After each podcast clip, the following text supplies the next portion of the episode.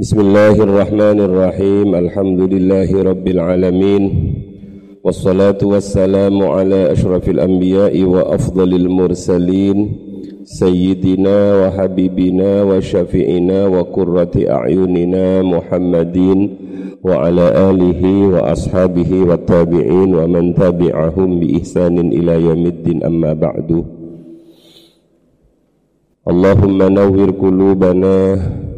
بنور المعرفة وعلم المكاشفة والبصيرة والإيمان والإسلام يا فتاح يا عليم افتح قلوبنا فتوح العارفين ربنا افتح بيننا وبين قومنا بالحق وأنت خير الفاتحين Amin amin ya rabbal alamin Kemarin sampai halaman 13 Ya masih baca satu ayat innama yakhshallaha min ibadihil ulama.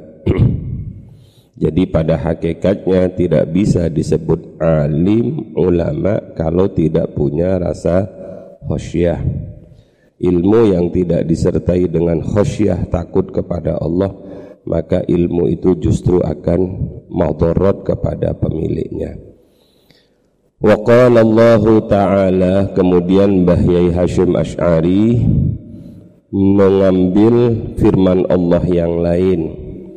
Wa qala lan berfirman sapa Allah Ta'ala Allah Ta'ala Innal ladhina amanu wa amilus salihati ulaika hum khairul bariyah.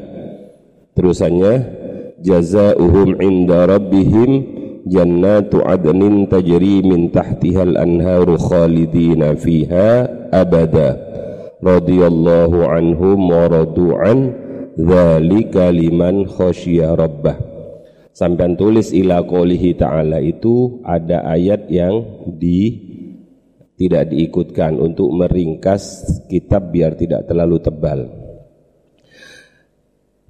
Innal ladina sa'tamani wong akeh amanu kang beriman sopo alladina wa amilu lan beramal sopo alladina as-solihati ing piro-piro amal soleh. Ulaika iku utawi alladina hum ya ulaik. Iku khairul bariyati sak bagus-bagus si makhluk. Sak api-api makhluk. Tulis jazaohum tulis jazaohum inda rabbihim jannatu adnin tajri min tahtihal anharu khalidina fiha abada radhiyallahu anhum radhiyallahu anhum wa radu anhu dzalika liman khasyiya rabbah sudah ada dzalika dzalika liman khasyiya rabbah ila qaulihi ta'ala marang dawuh Allah ta'ala sampai pada akhir ayat zalika utawi mengkuno mengkuno jannatu adnin iku liman kedua wong khasyiya kang wedi sapa man rabbahu ing pangiraniman rabbahu ing pangiraniman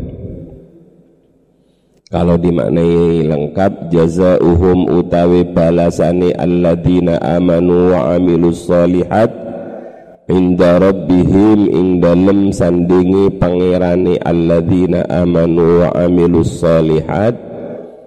Iku jannatu adnin sorga adn. Iku jannatu adnin sorga adnin. Tajri min tahtihal anhar tajri kang mengalir min tahtiha saking ngisore jannah opo al anharu piro piro sungai. Gambaran keindahan. Khalidina fiha khalidina hale podo kekal sopo alladina atau khalidina hale podo kekal kabeh fiha ing dalam jannah fiha ing dalam jannah abadan ing dalam sa lawasi abadan ing dalam sa lawasi radhiya ngaridani sapa anhum is radhiya ngaridani sapa Allahu Allah anhum saking alladzina waradulan padha ridha sapa alladzina anhu saking Allah. Zalika utawi mengkuno jannatu adnin iku liman kedue wong khosya kang wedi sapa man rabbahu ing pengirani man. Ini ayat mirip seperti yang ditulis oleh Mbah Hashim sebelumnya bahwa ada dzalika liman khosya rabbah. Orang-orang yang beriman lalu mereka membuktikan keimanannya itu dengan amal soleh. Kalian kan pernah tahu definisi iman itu apa sih? Iman itu adalah tasdiqum bil qalbi takrirun bil lisan wal amalu bil jawarih ada tiga hal anak-anakku Seorang mukmin itu dikatakan mukmin apabila hatinya ada tasdik, ada percaya, yakin. Yakin kepada Allah, yakin kepada Rasulullah, yakin kepada malaikat-malaikat Allah, kepada hari akhir, kepada kitab-kitab Allah dan seterusnya. Setelah dia yakin, dia ikrarkan keyakinannya itu lewat lisan, harus dia mengucapkan kalimat asyhadu an la ilaha illallah wa asyhadu anna muhammadar rasulullah setelah dia mengungkapkan keyakinannya itu lewat ucapan mana bukti keyakinannya mana bukti ucapannya maka dia mengerjakan amal-amal soleh jadi tiga hal ini adalah satu kesatuan yang tak terpisahkan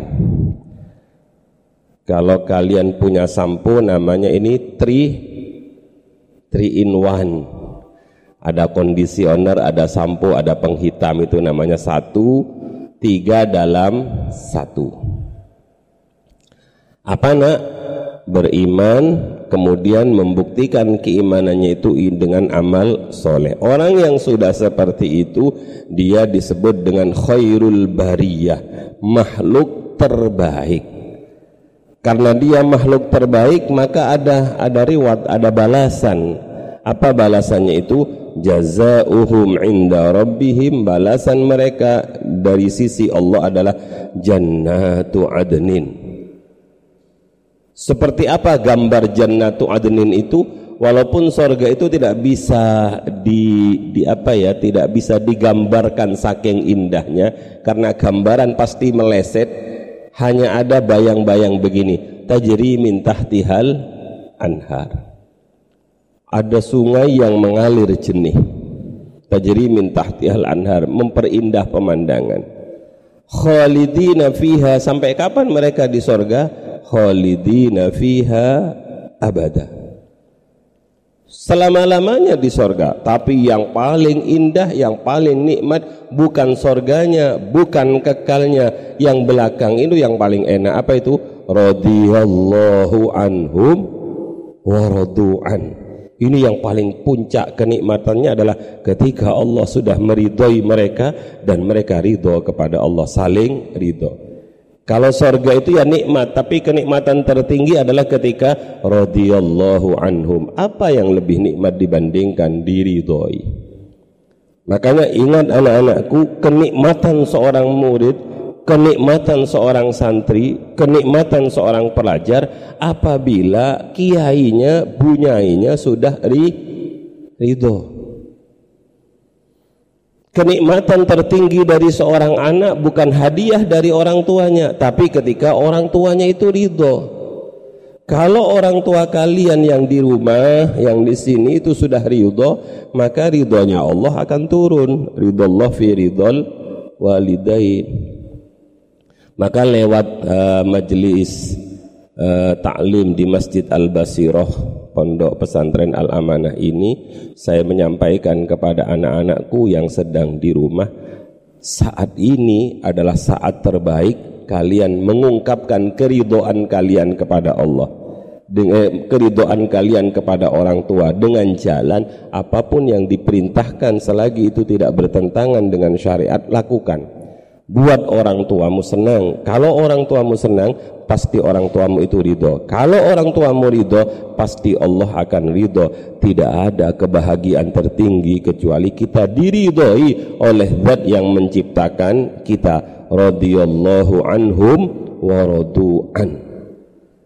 Ah, sudah semua itu Allah peruntukkan zalika liman khasyiyah rabbah Dalika liman khosya rabbah. Semua itu bagi mereka yang memiliki sifat khosyah Sifat takut yang disertai dengan cinta dan mengagungkan kepada Allah.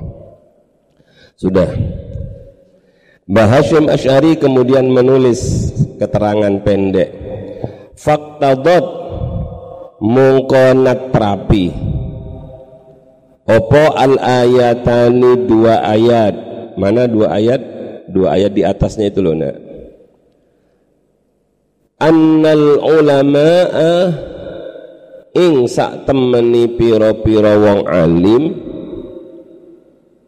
hum ya ulama iku alladzina wong akeh yakhshawna kang wedi sapa alladzina Allah ing Allah Dua ayat di atas ini sudah cukup bagi kita penjelasan dari Allah bahwa annal ulama hum alladzina yakhshawnallaha. Apa artinya? Sesungguhnya yang dimaksud dengan ulama yang sejati itu adalah mereka yang punya sifat takut kepada Allah.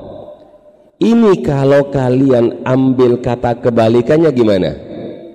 Sehingga dua rasa takut nang pangeran? Ya tetap dikatakan ulama, tapi ulama jareni. ulama itu ono ulama jareni, ono ulama lumangsani, ono ulama sejatini. Jareni wong-wong wong iku alim ulama, tapi jareni jareni mbuh sejati ini ya opo atau yang anu rumangsani mau rumongso sebagai ula, ulama. Tapi katanya Mbah Hashim yang dimaksud ulama adalah hum alladzina yakhshawnallaha ta'ala. Sudah itu garis bawah. Yang kedua kata Mbah Hashim walladzina utawi wong ake yakhshawna wedi sapa alladzina Allah ing Allah hum iku utawi alladzina iku khairul bariyati iku khairul bariyati luweh api-api makhluk. Jadi kalau ditanya makhluk terbaik itu siapa? Alladzina yakhshawnallaha. Mereka yang merasa takut kepada Allah semua lapisan dia petani baik dia adalah khairul bariyah. Kalau dia punya rasa takut dia pedagang, dia pejabat, dia tukang parkir, dia tukang apa pun yang penting dia punya sifat khosyah kepada Allah maka dia berhak disebut dengan khairul bariyah. Fayuntiju mongko menyimpulake opo kias? Annal ulama'a ing sak ulama' hum ya ulama iku khairul bariyati sak bagus-baguse makhluk Maka sederhananya ketika ditanya siapa orang makhluk terbaik ya al-ulama. Cukup. Ulama adalah al-ulama'u khairul bariyah. Gak usah dijelaskan panjang lebar al-ulama'u khairul bariyah. Ulama sing endi kalian sudah tahu tadi. Terus kemudian Bahashim mengutip hadis Rasulullah sallallahu alaihi wasallam. Wa qala lan tawu Rasulullah Rasulullah sallallahu alaihi wasallam may yuridillahu bihi khairan yufaqihu fid din. Man utawi sapani wong iku yurid ngersakake sapa Allahu Allah bihi kelawan man ngersakake khairan ing bagus. Yufakih jawab syarat yufakih mungko bakal mahamake sapa Allah hu ing man fid dini ing dalem masalah agama fiddini ing dalem masalah agomo. Ayo dihafalkan hadisnya. Mayyuridillahu bihi khairan. Yufaqihu fiddin mayyuridillahu bihi khairan. Yufaqihu fiddin wis apal satu hadis. Siapa pun orangnya yang dikehendaki bagus baik oleh Allah maka cirinya Allah akan memahamkan orang tersebut dalam urusan agama. Inilah yang harus kalian syukuri. Inilah yang harus kita syukuri. Karena yakin kita bahwa kalian semua para santri ini adalah orang-orang yang dikehendaki baik oleh Allah. Dari mana kita tahu bahwa kalian ini dikehendaki baik oleh Allah? Karena kalian oleh Allah dimasukkan ke tempat di mana di tempat itu ada proses untuk menjadi seorang fakih ada proses untuk menjadi seorang yang paham tentang ilmu agama. Maka yakin semua Alhamdulillah, Alhamdulillah, Alhamdulillah Berarti saya ini dikehendaki baik oleh Allah Kenapa? Buktinya sampai dimasukkan ke dalam pesantren, di mana di situ ada istilah terbesar yang disebut dengan tafakkuh fiddin, memahami ilmu agama. Is mudah-mudahan hasil amin Allahumma amin. Mayyuridillahu bihi khairan yufaqihu fiddin. Selanjutnya, wa qala sallallahu alaihi wasallam.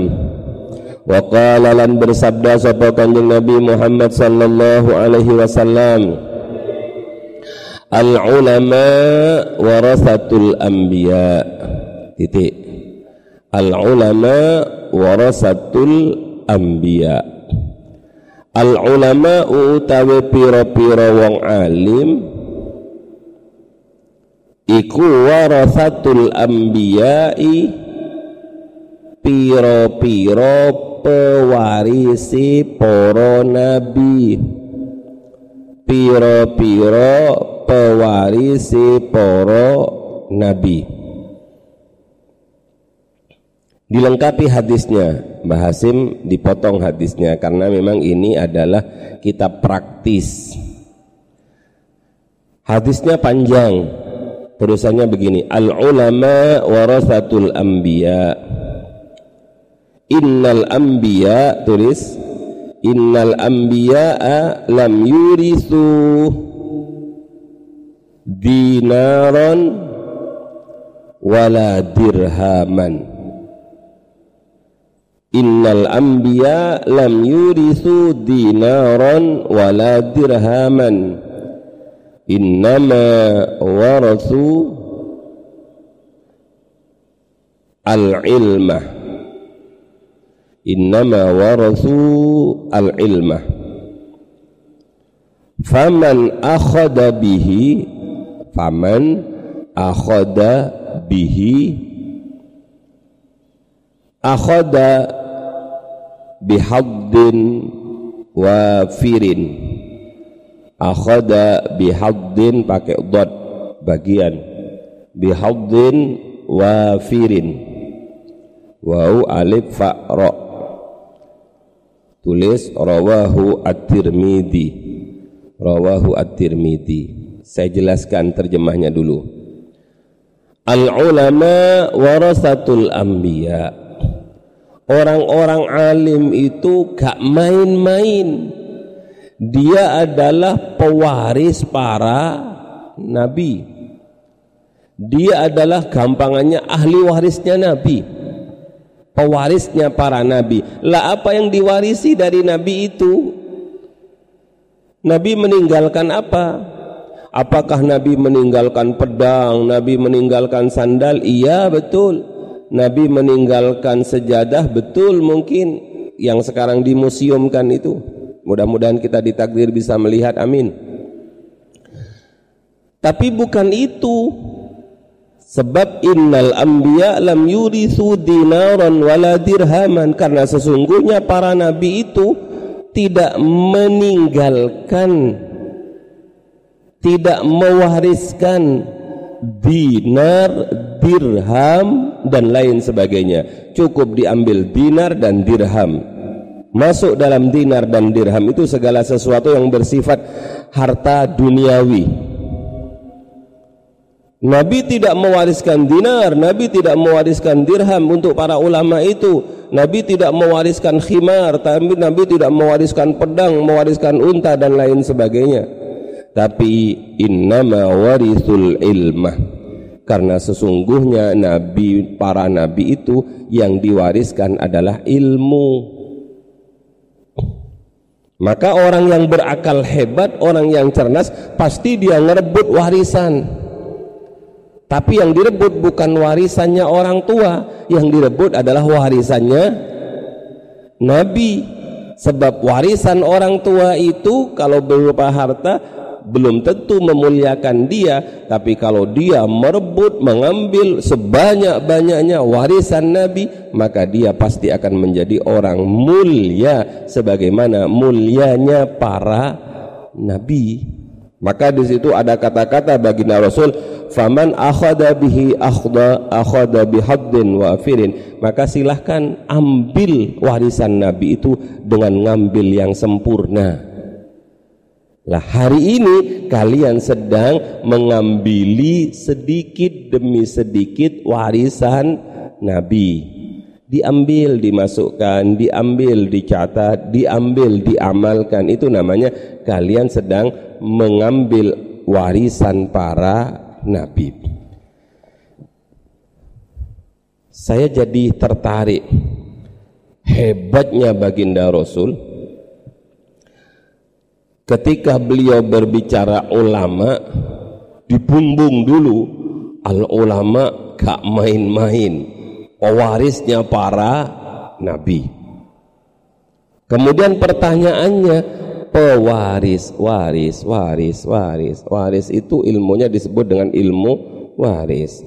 Waris itu juga disebut dengan ilmu faraid. Paham ya kamu kan ngaji ilmu faraid sejak MI Uh, makanya ada yang disebut dengan ahli waris.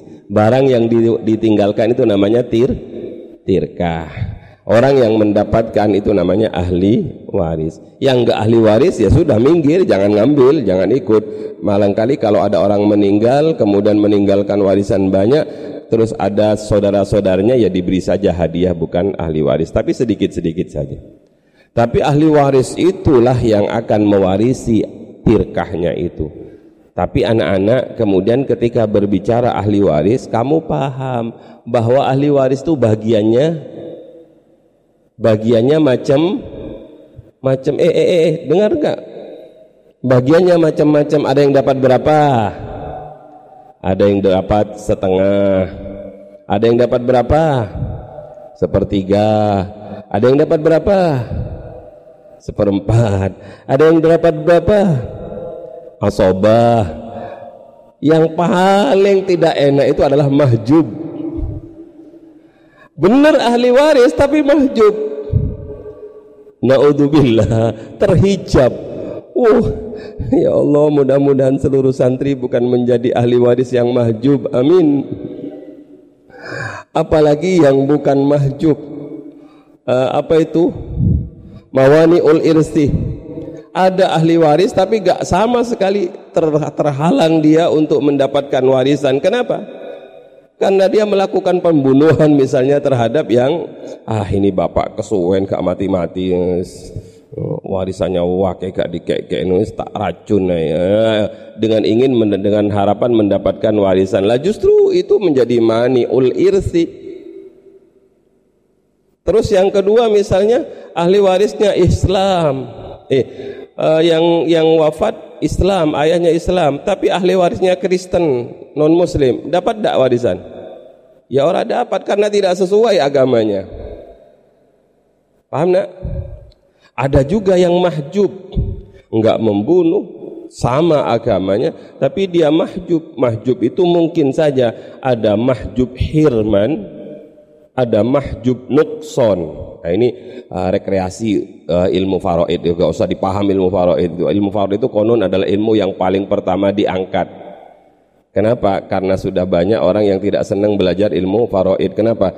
pingin dapat warisan tapi nggak usah belajar nanti disuruh bagi ke orang lain ada mahjub hirman ada mahjub nukson mahjub hirman itu dia ahli waris tapi ada orang yang lebih dekat di atasnya dengan dengan pewaris itu sehingga dia hirman terhalang tapi ada juga yang nukson hanya mendapatkan bagian tapi berkurang yes. paham ya ada yang maniul irsi, ada yang mahjub. Maka naudzubillah wal ada orang disebut dengan alim tapi dia tidak dapat warisan karena jalannya tidak sama dengan jalannya para na, nabi. Perbuatannya bertentangan dengan perbuatannya nabi. Keyakinannya bertentangan dengan keyakinannya para nabi. Atau orang itu mendapatkan bagian tapi bagiannya itu terkurangi. Karena mahjub. Atau bahkan naudzubillah sama sekali tidak dapat. Sekalipun dia disebut dengan ahli waris uh, al ulama warasatul anbiya. Di hadis yang lain untuk urusan begini baginda Rasul pernah dawuh begini tulis. Taraktu fikum amrayni. Taraktu fikum amrayni. Saya tinggalkan Saya tinggalkan di tengah-tengah kalian amrayni dua perkoro, dua hal. Lan tadillu ma tamassaktum bihima. Pakai lan selama-lamanya. Lan taudillu selama-lamanya tidak akan tersesat. Matamassaktum selagi kalian berpegang teguh matamassaktum sekali uh, selagi kalian berpegang teguh bihima dengan keduanya. Bihima dengan kedua kedua warisan itu. Pertama kitab Allahi kitabnya Allah yakni Al-Qur'an wa sunnata nabiyhi dan sunnah nabinya Allah. Dan sunnah nabinya Allah. Jangan salah paham. Kadang-kadang ayo balik nang Quran dan hadis. Sekarang banyak slogan balik nang Quran dan hadis. Karena apa? karena sudah lama meninggalkannya. Wong kita nggak pernah meninggalkan ya nggak usah balik wong bareng terus kita orang yang balik kembali ke Quran dan hadis. Ya karena mereka sudah terlalu jauh meninggalkan sehingga mereka eh balik balik balik balik. Kita tidak pernah meninggalkan nggak usah balik. Lah bagaimana cara memahami Al-Quran dan Al-Hadis? Kita butuh qaulus sahaba kita butuh pendapatnya tabi'in. Kita butuh pendapatnya tabi'it tabi'in ha ya ain sad balik onang Quran apa maksudnya hmm. Ya nggak tahu, maka kita butuh kepada ahli tafsir, ahli tafsir, butuh kepada kitab-kitab tafsir. Walillahi 'alan nasi hijjul baiti man istata'a ilaihi sabila. Bagaimana caranya? Ngamuk kamu, pokoknya harus haji. Kenapa? Corona gak corona, walillahi ala nasi hijjul baiti man istata'a ilaihi sabila. Pokoknya harus. Gak boleh pakai kapal terbang, tak kapal laut. Gak boleh kapal laut, tak pakai kuda. Ya apa caranya? Nah, butuh kepada kitab-kitab yang menjelaskan tentang ha haji. Gak mungkin kita paham Kenapa? Karena kita hidup tidak sama dengan tidak sesaman dengan Nabi. Karena kita hidup tidak sesaman dengan sahabat. Maka beruntunglah kita punya sanad keilmuan. Kita ngaji kepada Mbah Yai Nasir, kita ngaji kepada Mbah Yai Jamal, kemudian Mbah Yai Jamal ngaji kepada Mbah Yai Fatah, Mbah Yai Nasir ngaji kepada Mbah Yai Sahal, Mbah Yai Sahal ngaji kepada Syekh Ismail, seterus terus terus terus terus sampai baginda Rasulullah sallallahu alaihi wasallam. Eh sudah uh, taraktu fikum amraini lan tadillu ma tamassaktum bihima kitaballahi wa sunnata nabiyhi. Lanjutkan. Bahasim memberi keterangan wa hasbuka wa hasbuka lan nyukupika ing sira. Wa hasbuka lan nyukupika ing sira. Bihadihi darajati apa bihadihi darajatu saja. Apa bihadihi darajati bisa silakan atau tu bisa karena fa'il kalau bihadihi ikut pada bihadihi bihadihi darajati kelawan iki-iki derajat. Apani majdan agungi? Lebih agung mana? Adakah yang lebih agung dibandingkan ahli waris? Majdan apani agungi? Wa fakhron lan banggani. Wa bihadihi radbati lan kelawan iki-iki pangkat kedudukan apa ni syarafan mulyani? Wa zikran lan sebutan agungi. Wa zikran lan sebutan agungi. Wa idza kana lan nalaikani onu apa sya'an. Wa idza kana lan nalaikani onu apa kelakuan iku la radbatah la radbata ora ono pangkat iku maujudah fauqan nubuwati di atas kenabian. Kita paham tidak ada derajat pangkat yang lebih tinggi dibandingkan pangkatnya nabi. Maka fala syarafa fauqa syarafil warathati litilkar radbah fala syarafa mungko ora ono kemuliaan iku maujud. Fauqa syarafil warathati ing dhuwure mulyani mulyani wong kang marisi litil karradbati marang mengkunu mengkunu pangkat nubuah Pangkat kenabian adalah pangkat tertinggi. Maka tidak ada yang lebih tinggi lagi dibandingkan pangkat pewarisnya Nabi. Ini namanya keramat gandul. Keramat gandul kenapa? Kita mulia, kita tinggi. Kenapa? Karena kita ngekor, ngindo, gandol kepada baginda Nabi. Nah, sudah. Bismillahirrahmanirrahim. Sedikit tentang waris itu saya pernah membaca dalam Al-Qur'an anak-anak. Nah, tadi kan yang diwariskan salah satunya oleh Nabi adalah kitab Allah. Taraktu fikum amraini ya lan tadillu ma tamassaktum bihima kitab Allah. Ah, yang pertama ini ada ayat Al-Qur'an A'udzu billahi minasyaitonir rajim. Tsumma awrathnal ya thumma awrasnal kitab alladhi nastafaina min ibadina. Kemudian Allah mewariskan Alkitab Al-Quran kepada hamba-hamba terpilih. Jadi kita bukan kita yang berusaha.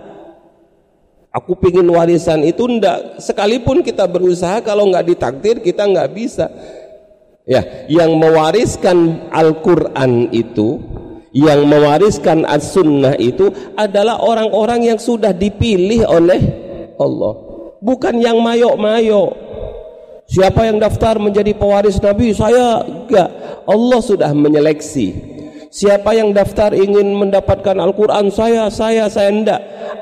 Berapa banyak makhluk Allah yang tidak tergerak hatinya untuk mendapatkan warisan Al-Quran Betapa banyak makhluk Allah yang bernama manusia jangankan menghafalkan, memegang saja kadang-kadang nggak pernah. Kenapa? Ibadi ibadah hamba-hamba Allah summa aurasnal kitab alladziina istofaina min ibadina karena yang memilih menyeleksi di antara hamba-hambanya Allah itu Allah langsung nak maka syukur kepada Allah syukur kepada Allah karena kalian lulus seleksi Allah. Kalian dipilih-pilih oleh Allah menjadi orang yang akan diwarisi Al-Quran. Oh tidak semua orang masuk seleksi.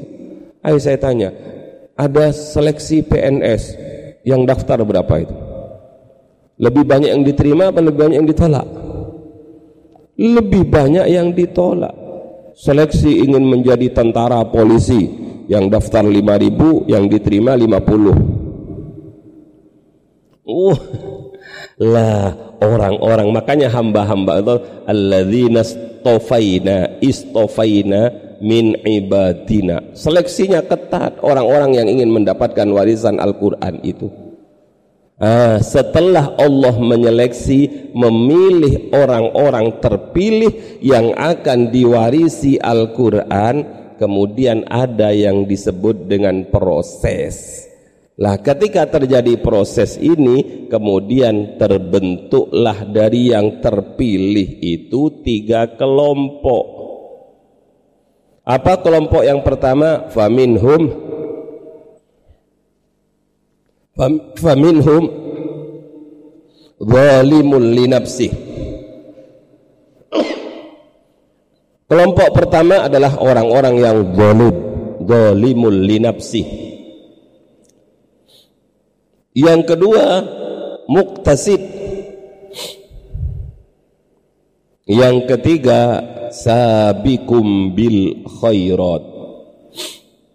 Sabikum bil khairat biiznillah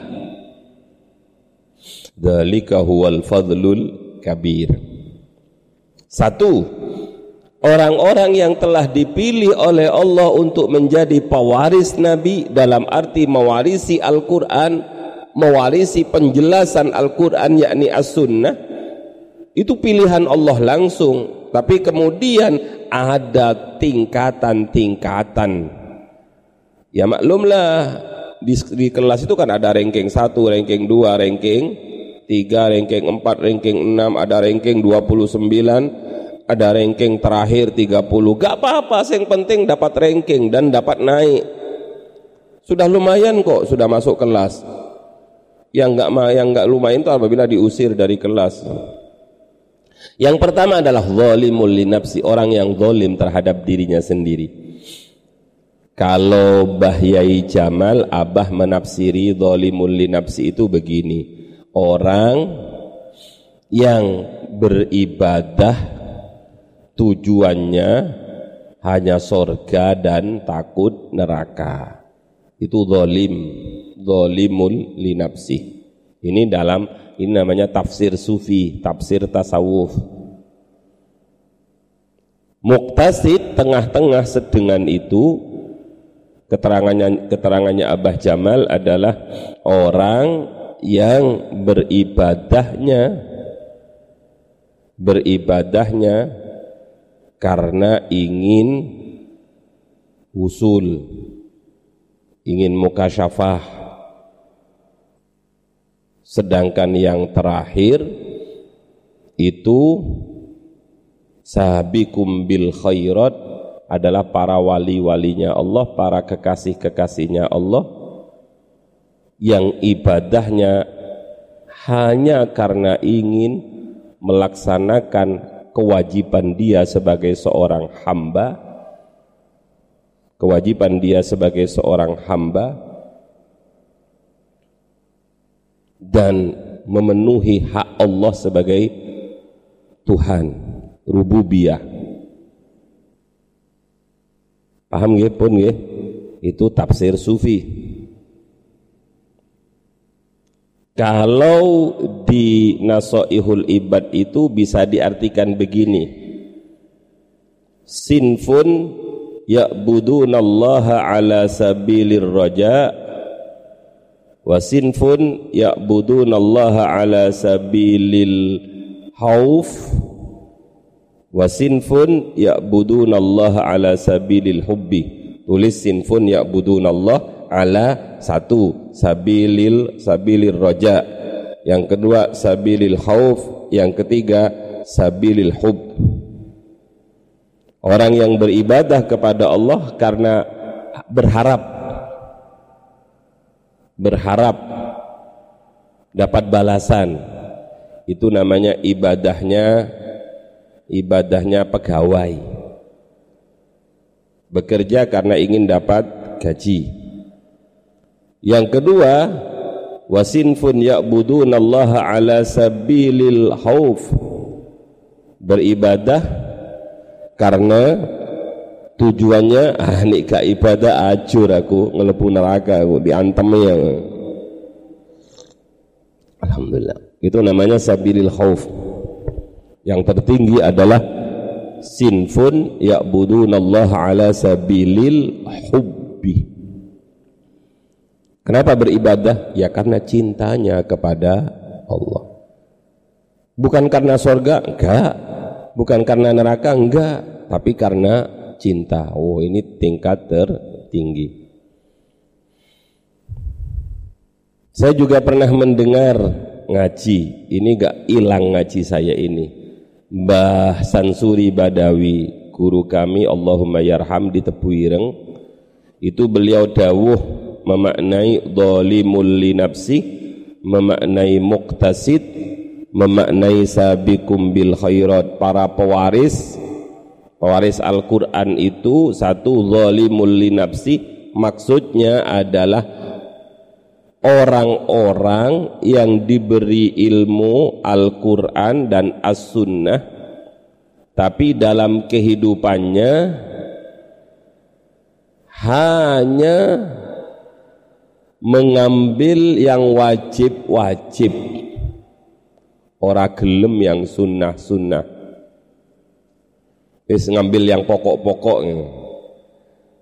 salat ya muk salat lima waktu ora gelem qobliya ba dia ora gelem duha tahajud ora gelem ora doyan itu namanya zalimun linapsi. Ada ndak santri yang begini nih? Iya ada tapi sedikit. Tapi ada juga sih, ada ya biar menunjukkan kalau Al-Quran ini ada.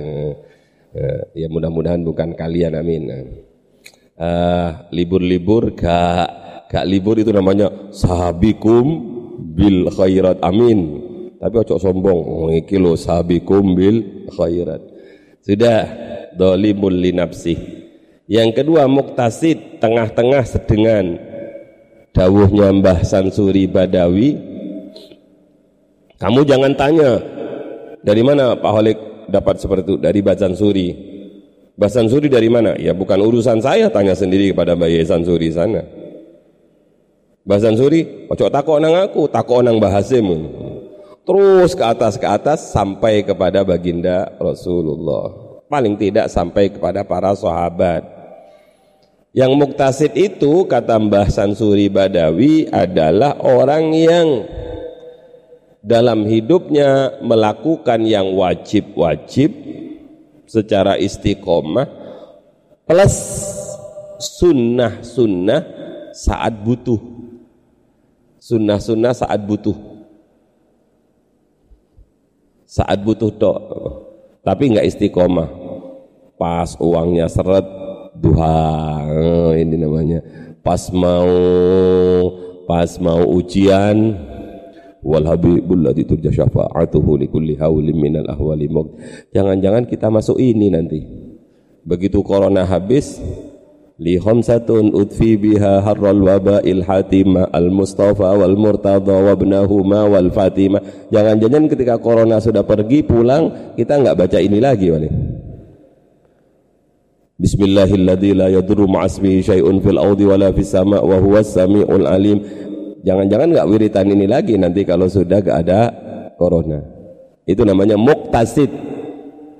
Kadang-kadang nambahi dengan sholat sunnah tapi kadang-kadang tidak yang sabikum bil khairat dawe beliau adalah orang-orang yang beribadah wajib sekaligus sunnah secara istiqomah.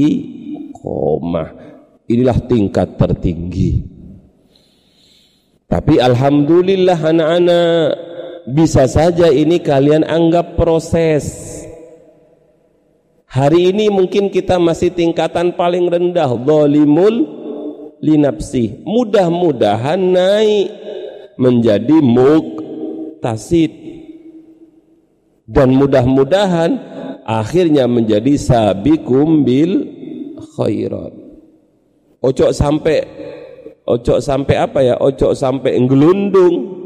Dari sabikum bil khairat turun ke muktasid kemudian finishnya di walimul linapsi dulu ketika muallimin kelas 3 rajinnya minta ampun. Begitu lulus nah, jangan begitu. Itu namanya gelundung. Minal gelundungiyin gitu. terus bismillahirrahmanirrahim. Ayo kita teruskan al amalu bihi li'annahu thamaratuhu. Wa ghayatul ilmi utawi tujuani ilmu. Wa ghayatul ilmi utawi tujuani ilmu. Iku al amalu iku al amalu beramal bihi kelawan ilmu. Li'annahu sak temani amal. Li'annahu sak temani amal. Iku samratuhu buai ilmu. Wa faidatul umri lan faedai umur. Cukup titik. Terus tujuan maksud finish yang ingin dicapai ketika orang itu mencari ilmu dan mendapatkan ilmu adalah al-amalu bihi. Al-amalu bihi mengamalkan ilmu itu mengamalkan ilmu itu bukan mengkoleksi ilmu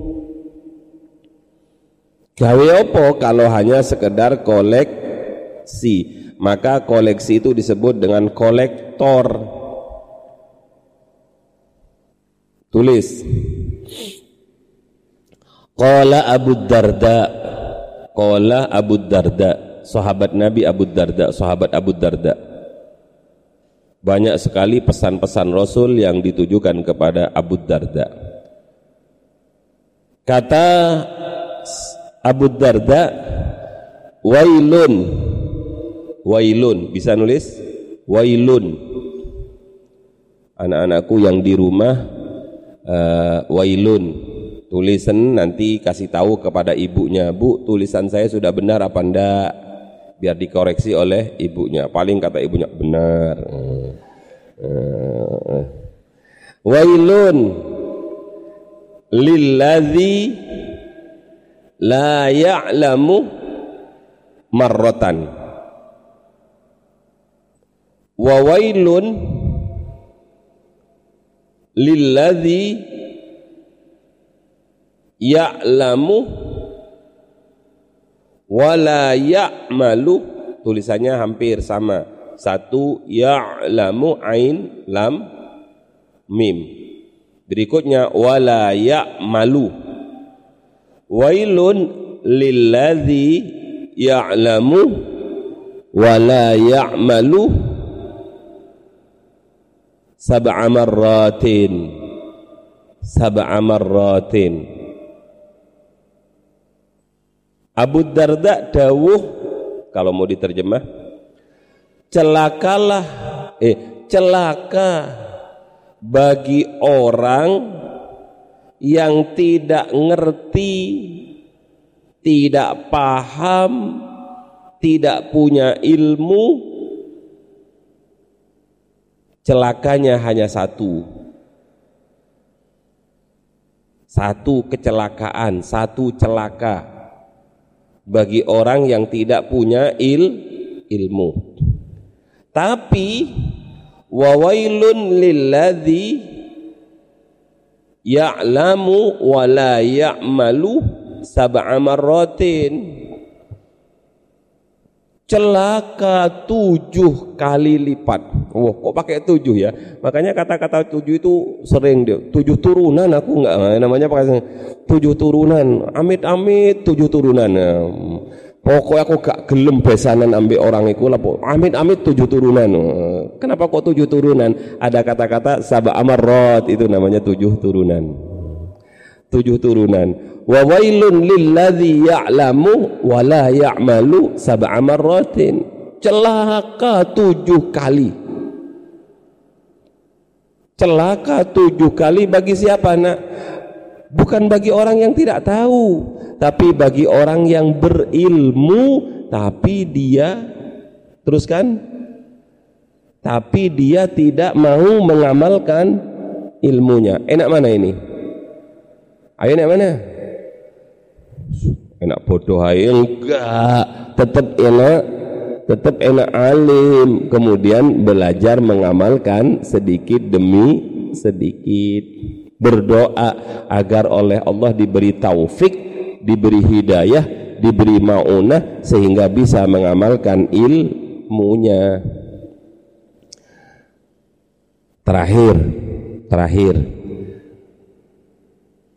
Nabi Isa alaihi salam dawuh. Qala Isa alaihi salam. Qala Isa ibnu Maryam. Satu-satunya makhluk manusia yang nasabnya dinasabkan kepada ibunya itu adalah Nabi Isa. Isa bin Maryam. Isa anak laki-lakinya Siti Maryam Siti Maryam itu anaknya Sayyidatina Hannah. Qala Isa bin Maryam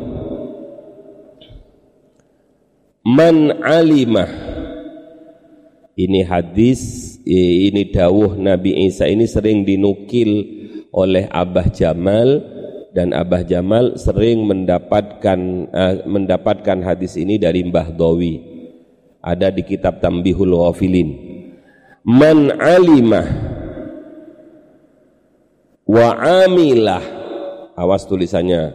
Bolak-balik. Man alima wa amilah. Fadzalika fadzalika alladzi yud'a yud'a ya dal ain alif layyina yud'a fi malakutis samawati fi malakutis samawati aziman aziman. Saya ulangi. Qala Isa bin Maryam radhiyallahu anhu man alimah wa amilah fadzalika alladhi yud'a fi malakutis samawati wal ardi aziman. Terjemah. Barang siapa yang memiliki ilmu dan mengamalkan ilmunya itu fadzalika alladhi maka dia mengkunu-mengkunu jauh. Fadzalika maka dia adalah pribadi yud'a fi malakutis samawati wal ardi adiman yang dipanggil di malakutis samawati. Gak usah arti fi malakutis samawati di alam sana di atas terkenal sana adiman sebagai orang yang agung. Sebagai orang yang agung. Bahyai Baidawi dawuhnya Abah Jamal dawuh begini kenapa Jamal hadisnya pakai ah, dawuhnya Nabi Isa ini pakai dalika pakai apa itu? Isyarah jauh bukan dakah tapi dalika karena yang seperti ini ini angil berat. Apa itu alim mengamalkan ilmunya maka orang yang seperti ini akan disebut di kerajaan langit sana sebagai orang yang besar sebagai orang yang hebat sebagai orang yang terkenal. Sekalipun mungkin di bumi tidak terlalu terken terkenal. Pilih nak pilih pingin terkenal di bumi apa pingin terkenal di langit atau pengen terkenal kedua-duanya atau pengen nggak terkenal kedua-duanya. Jadi ada orang yang nggak terkenal di bumi nggak terkenal di langit. Kasihan ini ya. Ada orang yang terkenal di bumi tapi nggak dikenal oleh malaikat di langit. Karena nggak ada amal yang ke atas itu. Nggak terkenal di langit. Ada yang tidak terkenal di bumi tapi terkenal di langit. Ini seperti Uwais Al-Qarani Al-Yamani majhulan fil ardi ma'rufan fis sama. Majhulan gak terkenal di bumi tapi ma'rufan sangat terkenal fis sama di langit. Ini namanya orang yang hebat. Yang paling hebat itu adalah Rasulullah. Ma'rufan fis sama eh ma'rufan fil ardi ma'rufan fis sama. Terkenal di bumi juga terkenal di langit Es, mudah-mudahan kalian termasuk itu. Amin, Allahumma amin. Seandainya enggak terkenal di bumi, gak apa-apa. Yang penting dikenal oleh para malaikat sebagai orang ahli ibadah. Sekarang mudah belajar, lantas amalkan ilmu kalian, maka kalian yud'a adiman fi malakutis samawat. Tapi saya yang mendengar dari Abah tambah satu, tambah satu, wa allamah man alimah wa amilah wa allamah. Kalau saya dengar dari Abah Abah dari Bahyai Baidawi jangan disalahkan. Ditambihul ghafilin itu man alima wa amila. Kenapa Bahya Jamal man alima wa amila wa allama jangan gampang nyalahkan orang. Itu karena kita belum tahu saja. Karena bacaan kita baru tambihul wafilin. Di riwayat yang lain tambah allama. Lebih berat. Alim mengamalkan lantas mendakwahkan mengajarkan. Lah yang ini lebih berat. Mengamalkan saja sudah berat apalagi harus mengajarkan. Tapi lebih mantap apabila tiga ini. Man ayo bareng-bareng. Man alimah wa amilah wa 'allama. Oh ini hebat. Alima, amila, allama. Maka fadzalikal ladzi ayo yud'a fi malakutis samawati aziman.